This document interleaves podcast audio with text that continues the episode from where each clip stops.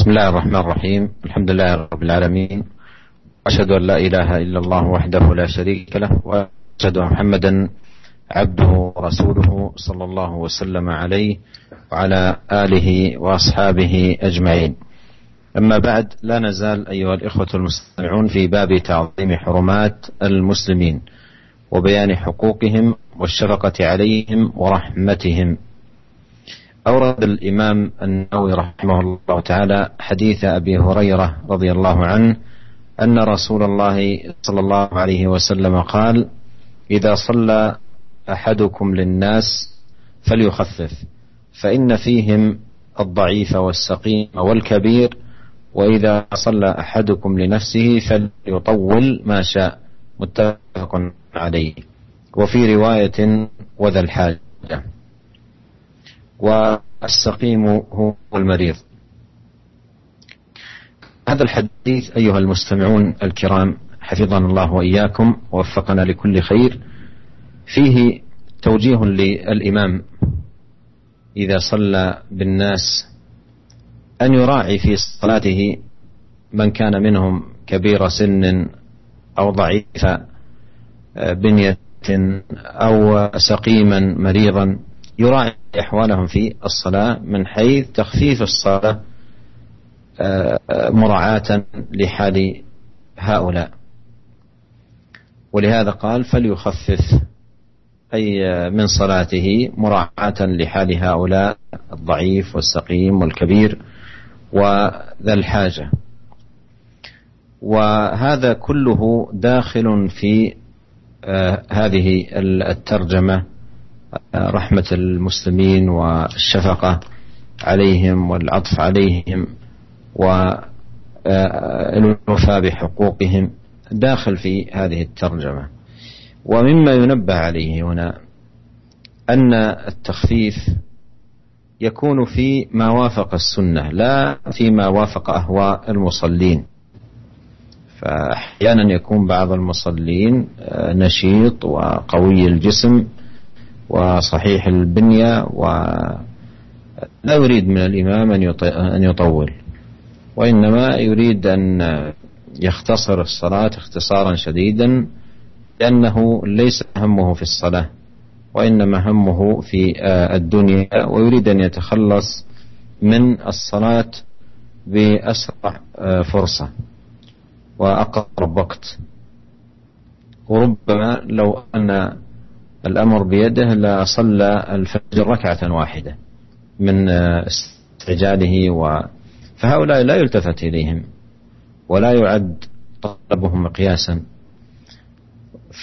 ولهذا ضبط المسألة بأن يكون التخفيف فيما وافق السنة فيما وافق السنة وهدي النبي عليه الصلاة والسلام فهديه صلى الله عليه وسلم هو التخفيف وهو قدوة عباد الله صلوات الله وسلامه عليه Bismillahirrahmanirrahim Alhamdulillah segala puji bagi Allah Subhanahu wa taala Rabb semesta alam aku bersaksi bahwasanya tidak ada sesembahan yang berhak disembah kecuali Allah Subhanahu wa taala tidak ada sekutu baginya dan aku bersaksi bahwasanya Muhammad adalah hamba dan juga utusannya Semoga Allah taala menganugerahkan salawat dan salam kepada beliau dan keluarga beliau serta para sahabat beliau sampai akhir zaman. Para pendengar yang dimuliakan oleh Allah taala, masih kita uh, sampai kepada bab uh, pengagungan terhadap kehormatan dan harkat martabat seorang muslim dan penjelasan hak-hak mereka serta santun dan kasih sayang kepada mereka.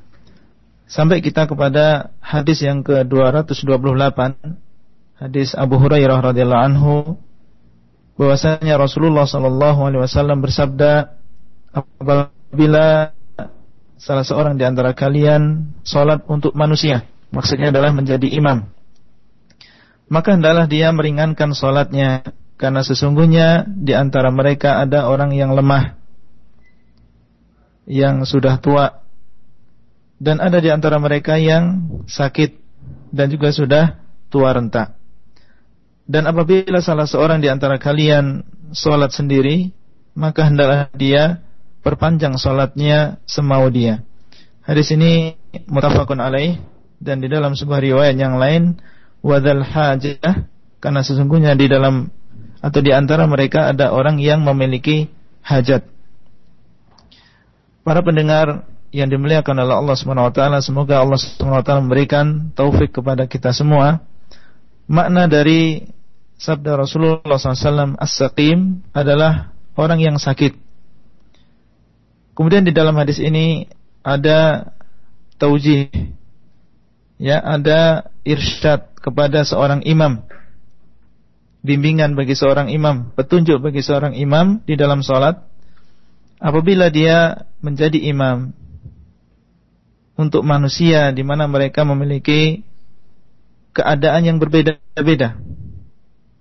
Ada di antara mereka yang kuat, ada di antara mereka yang lemah, ada yang sehat, ada yang sakit, ada yang muda, ada yang tua. Maka hendaklah seorang imam bijaksana.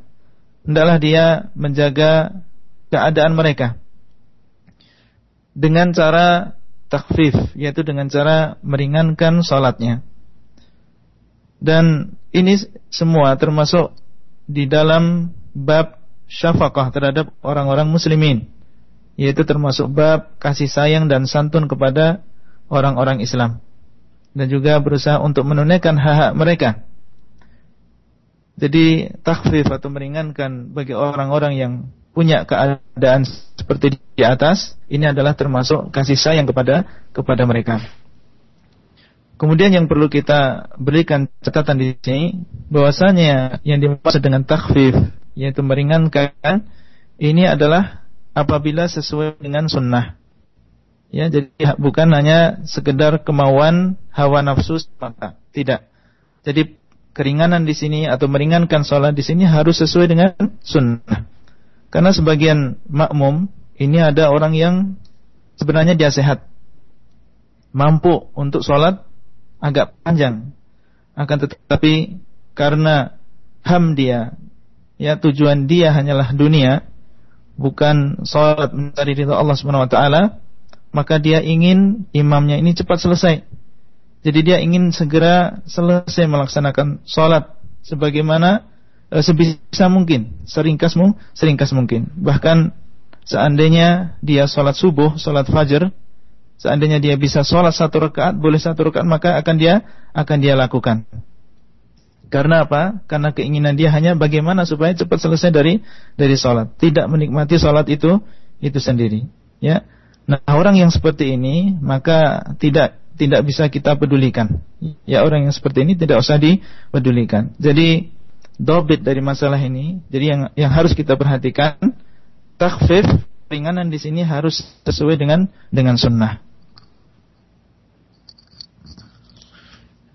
ثم أورد رحمه الله تعالى حديث أم المؤمنين عائشة رضي الله عنها قالت إن كان رسول الله صلى الله عليه وسلم لا يدع العمل وهو يحب أن يعمل به خشية أن يعمل به الناس فيفرض عليهم متفق عليه. وهذا الحديث هو داخل فيما سبق التخفيف على الناس و آه، عدم آه، الحاق المشقة والعنت بهم. وقد قال الله سبحانه في وصف نبيه عليه الصلاة والسلام لقد جاءكم رسول من أنفسكم عزيز عليه ما عنتم حريص عليكم بالمؤمنين رحيم. فمن رأفته ورحمته وحرصه على المؤمنين أنه كان يدع العمل آه الذي آه يريد أن يعمله متقرب به إلى الله وهو يحب أن يعمل به. كل ذلك من أجل خشية أن يعمل به الناس فيفرض عليهم يفعل ذلك رأفة ورحمة صلوات الله وسلامه عليه. Hadis yang selanjutnya yaitu hadis yang ke-229 adalah hadis Aisyah radhiyallahu anha. Beliau berkata, sungguh terkadang Rasulullah sallallahu alaihi wasallam meninggalkan sebuah amalan Padahal beliau sangat mencintai amalan tersebut. Karena khawatir apabila manusia mengamalkan amalan tersebut akhirnya diwajibkan atas mereka. Hadis ini muttafaqun alaih diriwayatkan oleh Imam Bukhari dan Muslim. Hadis ini uh, menunjukkan syafaqah dan juga rahmat kasih sayang kepada manusia. Di mana Rasulullah SAW di sini beliau meninggalkan sebuah amalan yang sebenarnya beliau sangat mencintai amalan tersebut. Akan tetapi karena beliau santun dan juga sayang kepada umatnya, takut apabila beliau amalkan kemudian umatnya mengikuti beliau akhirnya di, diwajibkan atas mereka. Dan ini adalah termasuk uh, rahmat kepada kaum muslimin dan Rasulullah sallallahu alaihi wasallam telah disifatkan di dalam Al-Qur'an bahwasanya beliau adalah sangat penyayang kepada umatnya. Allah Subhanahu wa taala berfirman, "Laqad ja'akum rasulun min anfusikum azizun 'alaihi ma 'anittum harisun 'alaikum bil mu'minina raufur rahim." Yang artinya telah datang kepada kalian seorang rasul dari bangsa kalian di mana berat bagi beliau apa yang menyusahkan kalian harisun alaikum. Beliau sangat bersemangat untuk memberikan hidayah kepada kalian bil mu'minina raufur rahim. Dan beliau sangat sayang kepada orang-orang yang yang beriman. Nah, di antara kasih sayang beliau adalah yang tertera di dalam hadis ini, terkadang beliau meninggalkan sebuah amalan yang beliau cintai karena khawatir seandainya ini diamalkan oleh manusia sehingga diwajibkan atas mereka. ثم أورد رحمه الله تعالى حديث أم المؤمنين عائشة رضي الله عنها قالت نهاهم النبي صلى الله عليه وسلم عن الوصال رحمة لهم فقالوا إنك تواصل قال إني لست كهيئتكم إني أبيت يطعمني ربي ويسقين متفق عليه. آه الوصال أن يصل الإنسان يومين فأكثر في الصيام من غير أن يفطر. مثل يصل يوم باليوم الآخر دون أن يفطر بين آه، اليومين. فكانوا يواصلون فنهاهم النبي عليه الصلاة والسلام. وسبب النهي قالت في الحديث رضي الله عنها رحمة لهم. قالت رضي الله عنها رحمة لهم. فهذا من رحمة النبي صلى الله عليه وسلم. فقالوا له إنك تواصل. فقال عليه الصلاة والسلام إني لست كهيئتكم. إني أبيت يطعمني ربي ويسقين متفق عليه. أي بما جعل الله سبحانه وتعالى فيه من القوة و التيسير ما لم يكن لغيره. صلوات الله وسلامه عليه. قال إني أبيت يطعمني ربي ويسقين. والحديث فيه الرحمة بالمؤمنين والشفقة عليهم وهو مقصود هذه الترجمة. Hadis yang selanjutnya dari Aisyah radhiallahu anha juga beliau berkata Nabi sallallahu alaihi wasallam melarang para sahabat radhiyallahu anhum untuk berpuasa wisal karena kasih sayang beliau kepada mereka. Maka para sahabat pun berkata kepada beliau, Inna tuwasil. Sesungguhnya engkau wahai Rasulullah SAW berpuasa wisal. Kemudian beliau SAW berkata, sesungguhnya aku tidak seperti kalian. Aku tidur di malam hari dan Allah SWT memberikan makan kepadaku dan juga memberi minum kepadaku. Hadis ini muttafaqun alaih diriwayatkan oleh Bukhari dan Muslim. Yang dimaksud dengan puasa wisal adalah seseorang menyambung puasanya dua hari atau lebih tanpa berbuka puasa. Ini yang dimaksud dengan puasa wisal, yaitu puasa menyambung dua hari atau lebih tanpa berbuka puasa. Nah, para sahabat radhiyallahu anhum mereka berpuasa wisal. Kemudian Rasulullah SAW melarang mereka. Dan sebab larangan beliau adalah seperti yang dikatakan oleh Aisyah radhiallahu anha rahmatan lahum karena kasih sayang beliau kepada umatnya. Jadi ini termasuk menunjukkan kasih sayang Rasulullah wasallam kepada umat umat beliau. Kemudian para sahabat bertanya, sesungguhnya engkau berpuasa wisal. Ya. Maka Rasulullah SAW mengatakan bahasanya aku bukan seperti kalian. Sesungguhnya Allah SWT memberi makan kepadaku pada malam hari dan juga memberi minum kepadaku. Yang dimaksud dengan memberi makan dan memberi minum di sini bahasanya Allah SWT memberikan kepada beliau kekuatan dan juga kemudahan di dalam berpuasa yang tidak Allah SWT berikan kepada yang lain selain Rasulullah SAW. Oleh karena itu, hadis ini jelas menunjukkan kepada kita tentang uh, rahmat atau kasih sayang kepada uh, sesama umat Islam. ثم أورد رحمه الله تعالى حديث أبي قتادة الحارث بن ربعي قال قال رسول الله صلى الله عليه وسلم إني لأقوم إلى الصلاة وأريد أن أطول فيها فأسمع بكاء الصبي فأتجوز في صلاتي كراهية أن أشق على على أمه. رواه البخاري. ومعنى تجوز أي أخفف. والحديث أيضا كسابقه الرحمة والرأفة بالمؤمنين صغارا وكبارا. فكان إذا سمع بكاء الصبي تجوز أي خفف عليه الصلاة والسلام كراهية أن يشق على أم هذا الصبي رحمة منه صلوات الله وسلامه عليه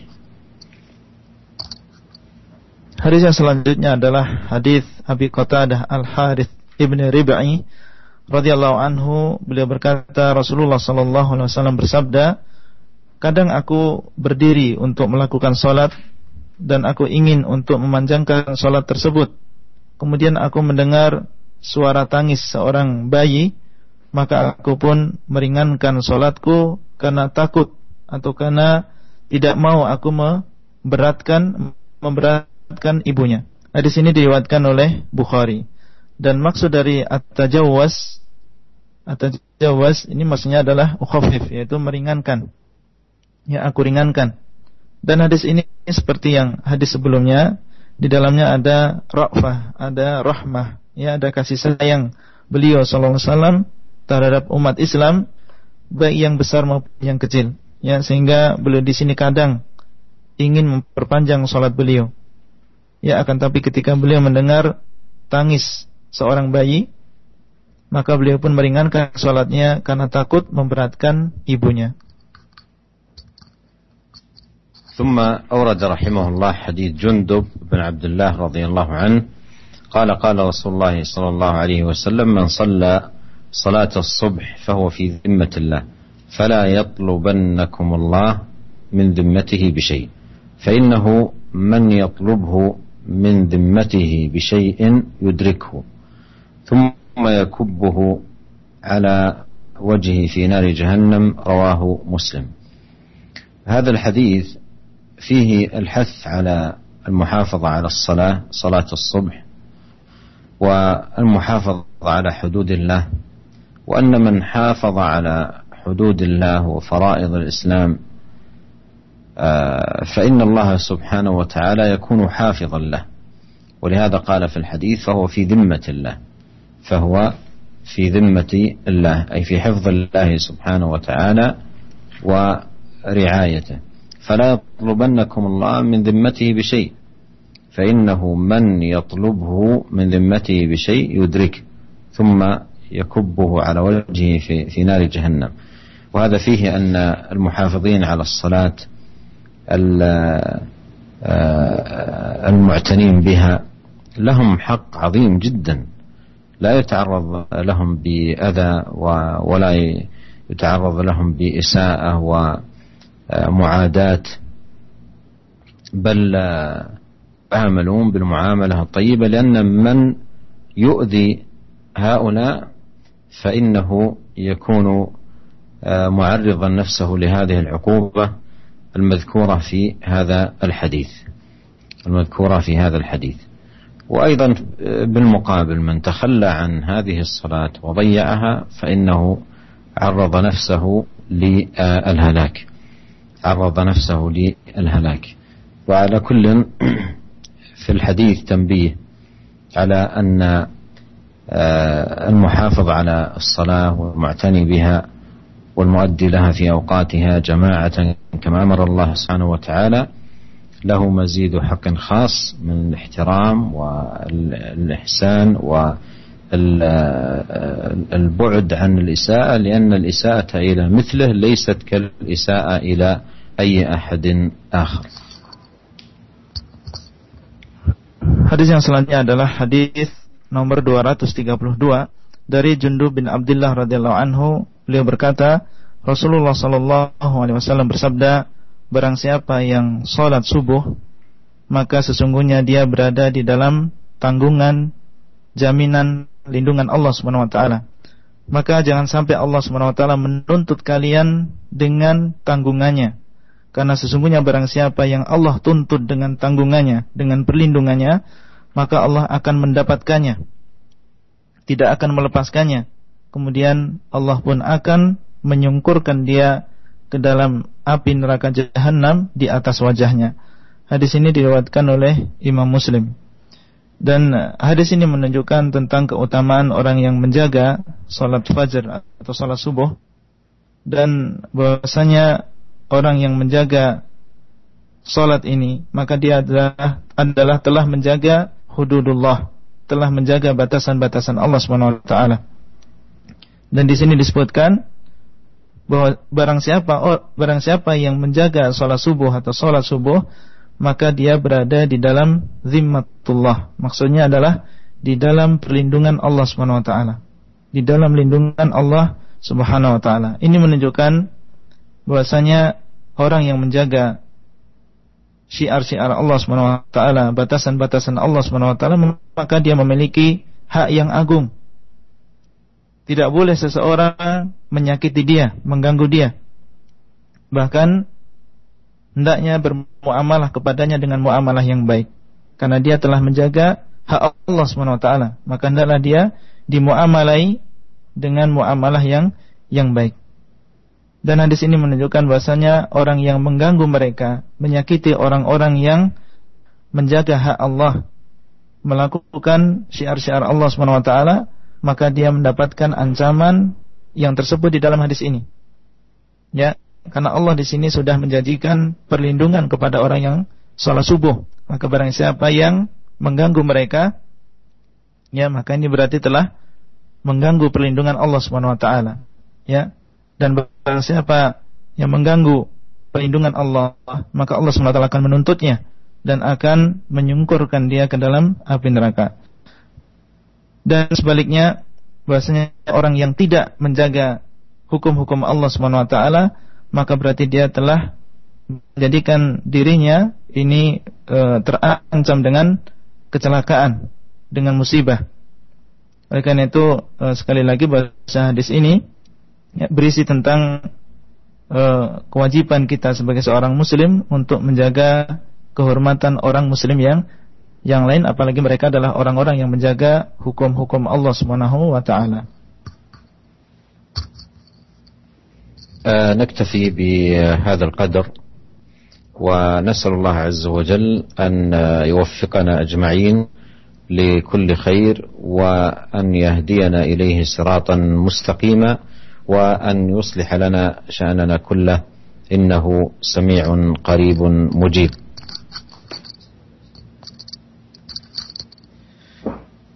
Kita mohon kepada Allah Subhanahu wa taala taufik ya kepada semua untuk uh, semua kebaikan dan kita cukupkan dars pada uh, hari ini dengan apa yang sudah kita sampaikan dan kita mohon kepada Allah semoga Allah memberikan kita hidayah kepada jalan yang lurus dan memperbaiki amal kita semua.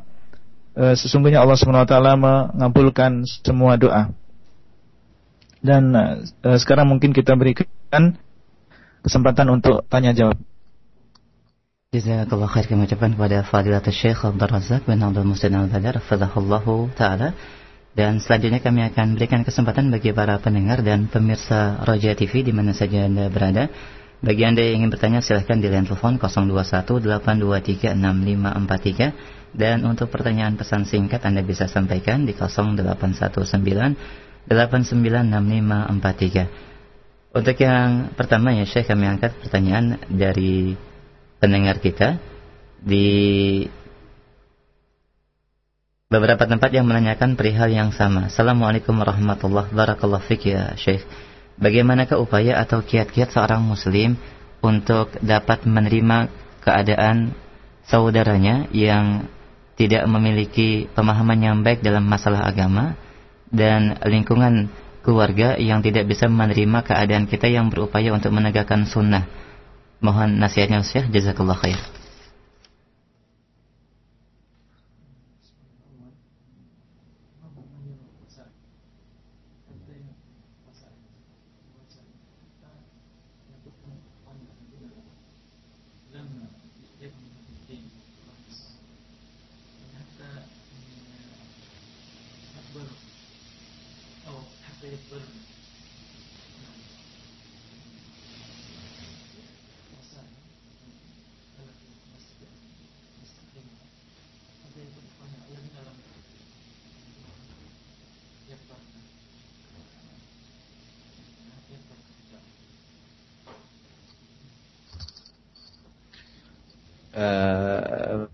من أراد إيصال الخير إلى الناس والحق والهدى وأن يتقبل الناس منه كلامه فإنه يحتاج في ذلك أن يهتدي بهدي النبي الكريم عليه الصلاة والسلام في رفقه وحلمه وصبره وأناته ودأبه عليه الصلاة والسلام في الدعوة. إلى الله سبحانه وتعالى وقد قال الله تعالى فبما رحمة من الله لنت لهم ولو كنت فظا غليظ القلب لانفضوا من حولك. فثمة آداب ووسائل شرعية صحيحة وطرائق للدعوة إلى الله سبحانه وتعالى فيسلكها في دعوته وليس من شرط سلوكه طريق الدعوة أن يستجاب له أو أن يهتدي الناس. فالهداية بيد الله ليس, ليس عليك هداهم ولكن الله يهدي من يشاء. لكن مطلوب منك أن تبذل الأسباب نصحا ووعظا بالرفق والأنات ونشرا للعلم في حدود استطاعتك وقدرتك العلمية.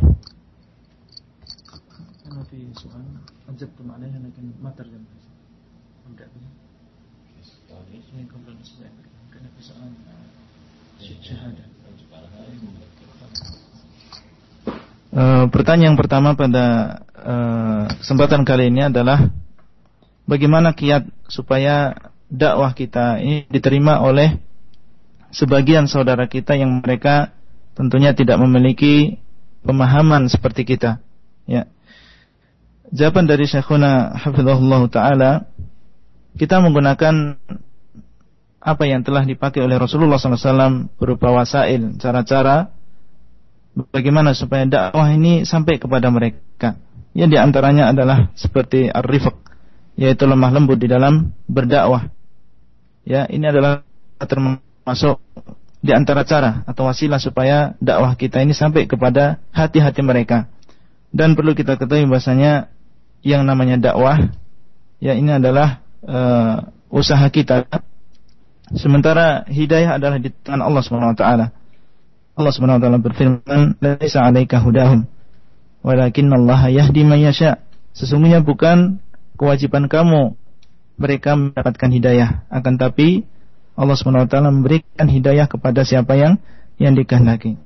Dan kewajiban kita semuanya adalah kita berusaha semaksimal mungkin, bersungguh-sungguh menggunakan berbagai cara yang diperbolehkan ya untuk sesuai dengan kemampuan kita bagaimana supaya mereka ini paham ya dengan di antaranya adalah lemah lembut seperti yang tadi disampaikan dan juga menggunakan wasilah-wasilah yang lain yang e, diperbolehkan di dalam agama kita.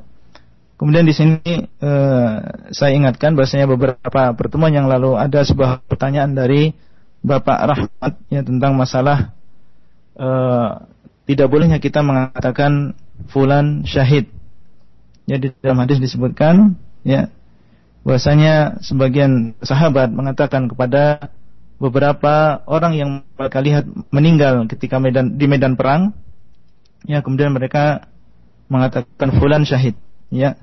Kemudian uh, Syekh Hafizahullah Ta'ala menerangkan bahasanya tidak boleh kita mengklaim atau mengatakan bahwa fulan adalah syahid.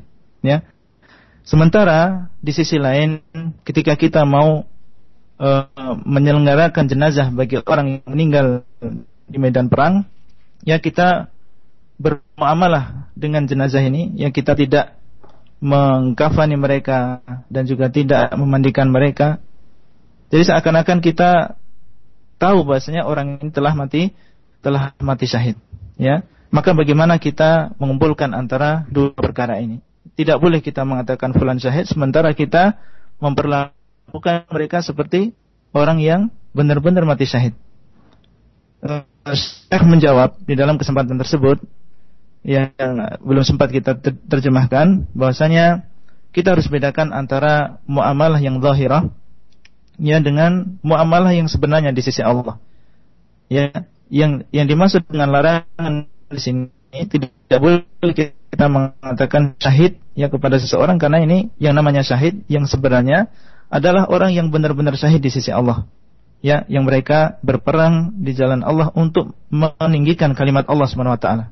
Maka di sini dari sisi ini kita tidak boleh mengatakan syahid. Tetapi dalam segi muamalah zahirah, ya, dari segi muamalah sehari-hari yang bisa kita lihat maka pada dasarnya kita yang yang meninggal di medan perang adalah kita perlakukan dia sebagai orang yang mati syahid. Makanya kita tidak kafani, ya tidak kita mandikan. Jadi perlakuan di sini adalah perlakuan secara secara zahir. Oleh karena itu harus kita bedakan antara keduanya. Baik, jazakallah khair ya Syekh dan Ustaz Abdullah Ryan telah menerjemahkan pertanyaan yang sebelumnya dan telah ada Ummu Ahmad di Cikarang yang sudah menunggu. Silahkan Ummu. Assalamualaikum warahmatullahi wabarakatuh. Assalamualaikum warahmatullahi wabarakatuh. Barakallahu fiik ya, uh, ya Syekh. Uh, ini jika ada seorang yang pernah bekerja di PT milik orang kafir, kemudian uh, orang itu pernah memakai uang perusahaan tersebut dan orang itu e, telah keluar dari PT itu. Kemudian orang itu ingin mengembalikan uang tersebut lalu menghubungi atasan atau pimpinan yang dulu dan sekarang sebagai pimpinan di PT itu dan menceritakan bahwa ia telah memakai uang perusahaan dan berniat ingin mengembalikannya. Namun kata pimpinannya itu uangnya diberikan saja kepada orang yang membutuhkan atau orang miskin. Apakah e, orang itu memberikan uang tersebut ke fakir miskin atau mencoba menghubungi kembali orang pemilik apa orang kafir selaku pemilik PT itu. Uh, kemudian uh, boleh satu lagi? Mungkin satu dulu ya Mu ya, mohon maaf karena keterbatasan waktu. Iya. Baik. Uh, khairan. Assalamualaikum warahmatullahi wabarakatuh. Waalaikumsalam warahmatullahi wabarakatuh. Jazakallah khair Muhammad. Baik, kita tunggu terjemahnya dari pertanyaan Umu ya.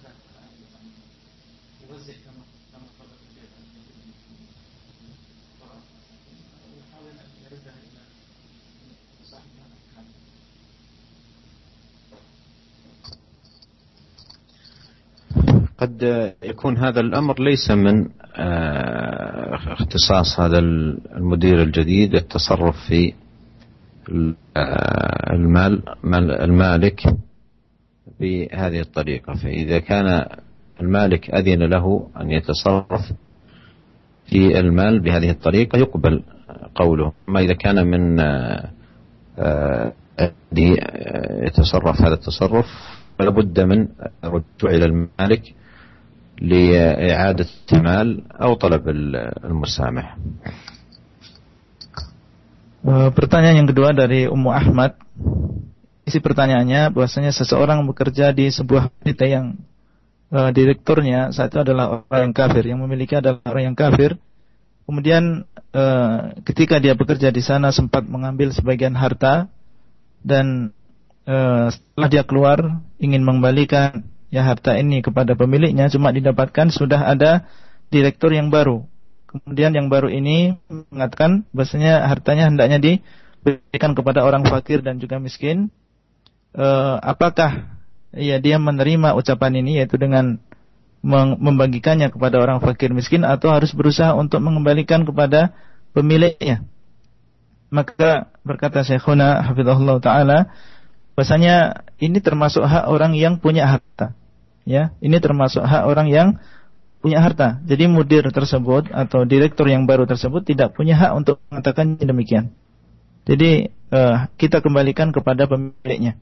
Seandainya mengatakan silakan dibagi kepada fakir dan juga miskin, maka kita lakukan, kita terima ucapannya.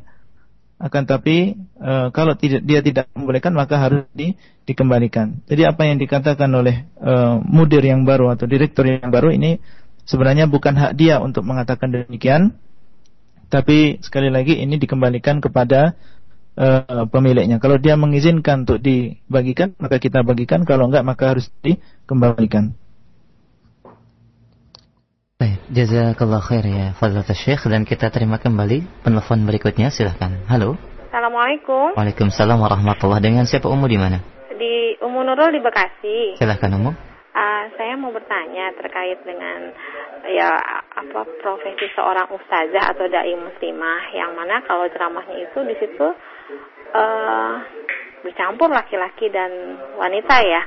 Lalu apakah ada di zaman Rasulullah juga tokoh muslimah yang menjadi seorang daiyah gitu? Baik, itu saja. Iya. Baik, jazakallahu khairan. Amin ya Baik, silakan Ustaz.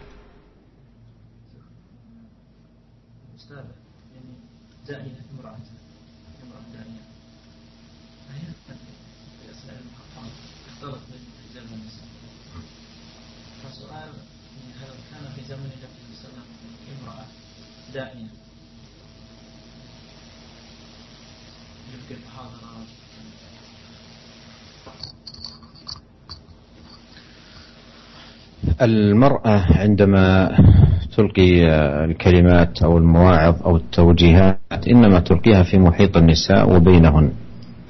ولا تلقي المحاضرة أو الموعظة للرجال والنساء. إلا إن كان الرجال والنساء إخوة لها وأقرباء ومحارم فهذا لا بأس به. أما أن تلقي المحاضرة للرجال والنساء فهذا لا يجوز وليس من هدي المأثور عن النبي صلى الله عليه وسلم. وفي الصحابة فقيهات وفيهن من من هن معروفات بالعلم والفقه ويرجع إليهن في المسائل من أمثال أم المؤمنين عائشة رضي الله عنها وغيرها من الصحابيات والتابعيات. ولا لم ينقل أن المرأة منهن كانت تقف أمام جموع النساء والرجال واعظة أو ناصحة أو نحو ذلك بل هذا كله خلاف الهدي المأثور. والمرأة إذا رغبت في المناصحة والتعليم يكون ذلك منها في محيط النساء.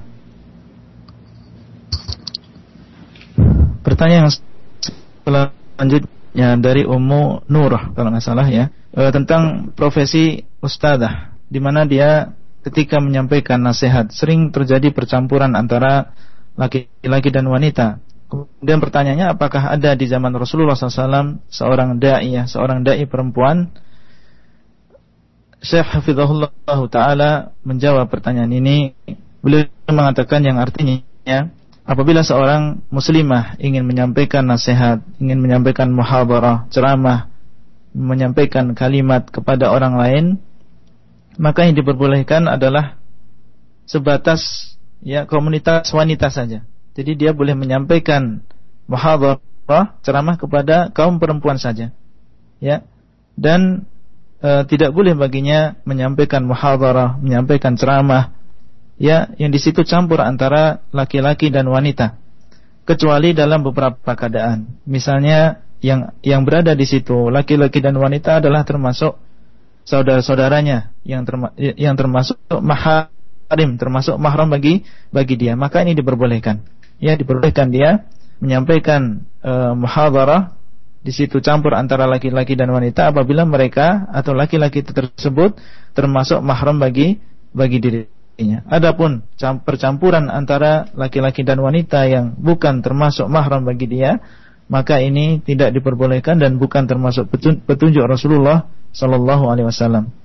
Kemudian di antara para sahabat ada beberapa sahabat Rasulullah sallallahu alaihi wasallam ya yang mereka adalah orang-orang yang fakih ya para wanita yang fakih yang memiliki pemahaman yang kuat di dalam aga, agama yang bahkan sebagian mereka ini menjadi rujukan di dalam masalah-masalah agama seperti Ummul Mukminin Aisyah radhiyallahu anha kemudian juga para sahabat yang lain dan juga beberapa e, wanita dari kalangan tabi'in ada di antara mereka wanita-wanita yang Allah berikan anugerah ya memiliki pemahaman yang kuat memiliki hafalan yang yang kuat Ya. Oleh karena itu, sekali lagi seorang wanita apabila ingin memberikan muhadarah, memberikan nasihat kepada orang lain, maka ini sebatas ya di antara kaum wanita saja dan tidak boleh dia menyampaikan ya ceramah e, di depan publik ya di, di mana di situ campur antara laki-laki dan wanita yang bukan mahram. طيب جزاك الله خير يا فاضلة الشيخ وهذا السؤال الأخير ونرجو من فاضلتكم الاختتام في هذا الدرس. فضل يا شيخ.